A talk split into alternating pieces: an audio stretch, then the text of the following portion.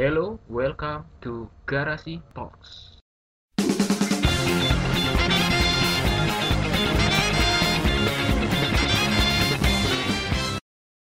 Bismillahirrahmanirrahim. Ada baja, ada timah, ada bata, ada batu. Teman-teman semua di rumah, Assalamualaikum warahmatullahi wabarakatuh.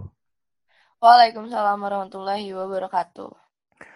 Apa kabar semua teman-teman di rumah? Semoga selalu diberikan kesehatan dan kita berdoa semoga musim pandemi ini cepat berakhir dan kita bisa kembali beraktivitas uh, secara normal. Perkenalkan nama gue Amir dan pada kesempatan kali ini gue nggak sendirian nih. Uh, gue bersama tiga orang teman gue. Coba dong kenalin diri masing-masing dong biar pada kenal. Halo teman-teman, nama gue Aldi. Selamat datang di Garasi Talk. Halo semua, nama gue Kirei dan nama gue Rara. Oh iya, yang terakhir ada Agi sebagai tim kreatif dari uh, podcast Garasi Talks ini yang belum bisa ikut uh, pada kesempatan kali ini. Nah, kebetulan uh, kita berlima satu jurusan di Fakultas Ilmu-Ilmu Kesehatan jurusan Kesehatan Masyarakat di Universitas Muhammadiyah Profesor Dr. Hamka. Nah, pada podcast kali ini kita mau ngebahas tentang apa sih uh, jurusan kesehatan masyarakat itu. Karena mungkin teman-teman masih bingung nih, apa aja sih yang dipelajarin ketika kita masuk di jurusan kesehatan masyarakat. Nah, coba nih gue mau nanya sama teman-teman. Sebenarnya apa sih sebenarnya uh, jurusan kesehatan masyarakat itu? Oke, sini gue jelasin. Jadi, kesehatan masyarakat ini adalah prodi yang fokus kepada promosi kesehatan dan pencegahan penyakit terhadap masyarakat. Dalam arti berusaha untuk meningkatkan derajat kesehatan masyarakat. Nah, apa sih bedanya sama kedokteran? Kedokteran sendiri fokus kepada penyembuhan, diagnosa, dan rehabilitatifnya, teman-teman. Jadi jelas ya kalau kesmas itu promotif dan preventif. Dan kalau dokter itu kan sifatnya person to person, lebih personal. Nah kalau kesmas ini ke masyarakatnya. Maka itu di prodi ini kita juga bakal mempelajari ilmu medis ditambah dengan ilmu sosial. Jadi kesmas ini adalah ilmu yang multidisiplin.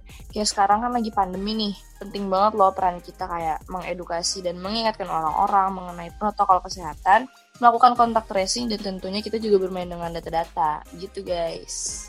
Nah, betul banget tuh. Jadi uh, jurusan kesehatan masyarakat ini lebih berkonsen pada preventif dan promotif uh, guna meningkatkan derajat kesehatan masyarakat itu sendiri. Selanjutnya, uh, di dalam jurusan kesehatan masyarakat ini ada yang namanya peminatan nih. Nah, ada berapa banyak sih uh, peminatan yang ada di UHAMKA ini? Nah, pertanyaan yang menarik nih. Total peminatan yang ada di Kesmas UHAMKA itu ada delapan. Nah, di sini gue akan membahasnya satu persatu ya gue bahas di sini mengenai peminatan yang ada di Kesmas pastinya ataupun ruang lingkup pembelajarannya. Tapi lebih tepatnya gue lebih suka menyebutnya bukan hanya peminatan, tapi keahlian yang wajib dimiliki oleh seorang yang nantinya mau memilih jurusan kesehatan masyarakat. Nah, yang pertama itu ada promosi pendidikan kesehatan. Nah, di sini mempelajari bagaimana media bisa menjadi sarana pembelajaran mengenai kesehatan agar ketika media ini disebarluaskan dapat diterima baik khususnya terhadap masyarakat baik itu berupa pengetahuan atau perubahan perilaku. Yang kedua itu ada epidemiologi. Di dalam epidemiologi itu pola penyebaran penyakit menjadi salah satu fungsi utamanya. Nah, jika teman-teman mengikuti perkembangan virus corona yang penyebarannya begitu luas dan cepat, peran epidemiologi di sini menjadi saran utama untuk melakukan pelacakan atau yang dikenal dengan istilah tracking. Selanjutnya ada K3 atau keselamatan dan kesehatan kerja. Mungkin di pikiran kita para pekerja hanya membutuhkan gaji saja, tetapi enggak. Peran K3 di sini sangat penting bagaimana menjamin suatu kenyamanan, keamanan maupun keselamatan para pekerja khususnya para pekerja yang mengalami resiko penyakit akibat kerja. Nah, bagaimana fasilitas di tempat ia bekerja itu terdapat sistem manajemen K3 itu tersendiri yang berfungsi untuk melindungi para pekerjanya. Yang keempat ada kesehatan lingkungan, teman-teman.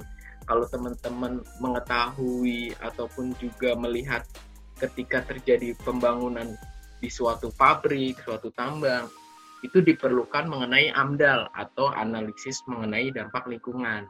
Nah, bagaimana cara kita menilai faktor lingkungan sebagai penyebaran penyakit akibat pembangunan tersebut. Nah, makanya kesehatan lingkungan diperlukan. Selanjutnya ada statistik kesehatan.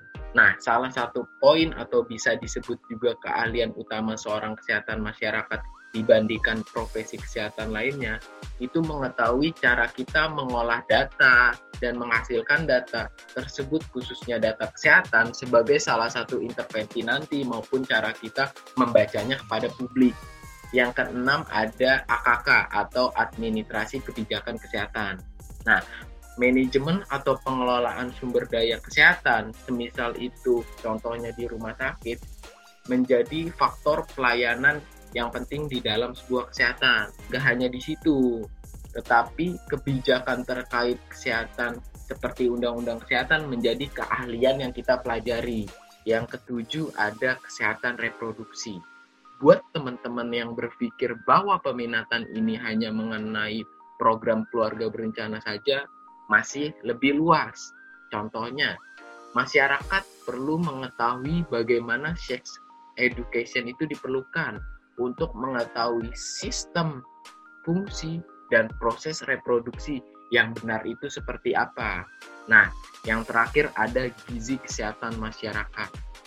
Di sini bagaimana masyarakat dapat mengetahui fungsi dan kesehatan yang ada untuk mencapai produktivitas sebagai makhluk hidup jangan sampai gizi yang kurang bisa mengakibatkan penyakit ataupun masalah seperti BBLR atau berat bayi lahir rendah dan juga jangan sampai berlebih yang bisa mengakibatkan obesitas. Nah, dengan gizi yang seimbang dapat memperoleh derajat kesehatan tertinggi di dalam produktivitas. Itu di Nah, penting banget nih buat teman-teman tahu terkait peminatan yang teman-teman nantinya akan ambil uh, ketika teman-teman juga ingin masuk di jurusan kesehatan masyarakat yang ada di UHAMKA ini karena uh, peminatan ini bertujuan untuk mengembangkan atau melatih skill uh, dan kemampuan teman-teman di dalam uh, jurusan kesehatan masyarakat ini. Nah, teman-teman juga nggak uh, perlu khawatir nih, dosen-dosen pengajar yang ada di jurusan kesehatan masyarakat UHAMKA ini adalah dosen-dosen yang ahli di dalam bidangnya. Oke, tadi udah ngomongin uh, peminatan tentang pengertian kesehatan masyarakat. Sekarang uh, kita mau ngomongin fasilitas nih. Nah, fasilitas apa aja sih yang kita dapat ketika kita masuk uh, di jurusan kesehatan masyarakat yang ada di UHAMKA ini? Oke, Mir. Nih gue jelasin ya. Pasti kalian penasaran kan ada fasilitas apa aja sih di Kesmas Fikes UHAMKA? Fasilitas yang ada di Kesmas Fikes Uhamka pasti membantu banget nih buat menunjang akademik kalian semua nantinya. Kesmas Fikes Uhamka punya perpustakaan sendiri loh, di mana di perpustakaan tersebut banyak referensi buku-buku kesehatan buat membantu tugas kalian nantinya. Dan Buat kalian yang mau mengasah skill kepemimpinan, ada juga beberapa organisasi mahasiswa yang pastinya difasilitasi oleh ruang lembaga mahasiswa yang berfungsi buat kalian rapat, berdiskusi, dan lain-lain. Dan masih banyak fasilitas yang lainnya. Buruan deh cepet-cepet daftar di Kesmas Fikes Uhamka. Itu aja sih Mir, perihal fasilitas yang ada di Kesmas Fikes Uhamka. Makasih Rara. Nah, mungkin uh, pertanyaan terakhir nih. Kenapa sih kita harus masuk uh, jurusan kesehatan masyarakat yang ada di UHAMKA ini? Oke gue coba jawab yang pertama ya. Singkat aja sih karena UHAMKA tersendiri sudah terakreditasi A. Itu aja sih kalau dari gue Nah, kalau dari gua, kenapa sih harus milih Kesmas Fikes Uhamka? Karena selain ilmu kesehatan yang bakal kita dapetin, kita dapat juga ilmu sosial, komunikasi, dan antropologi.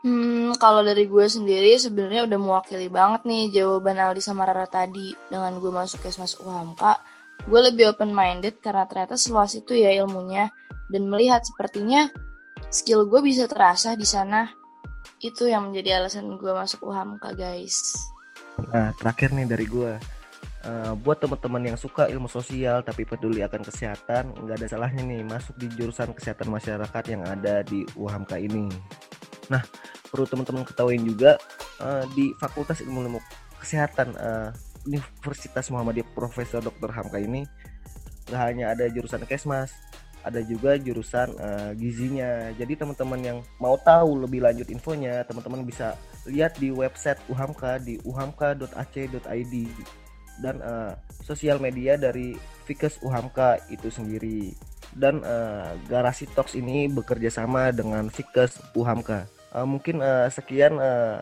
podcast kali ini. Sampai jumpa di podcast berikutnya. Si ayah uh, minta tolong sama si kakak. Jangan lupa kuliah di Uhamka. Terima kasih. Wassalamualaikum warahmatullahi wabarakatuh.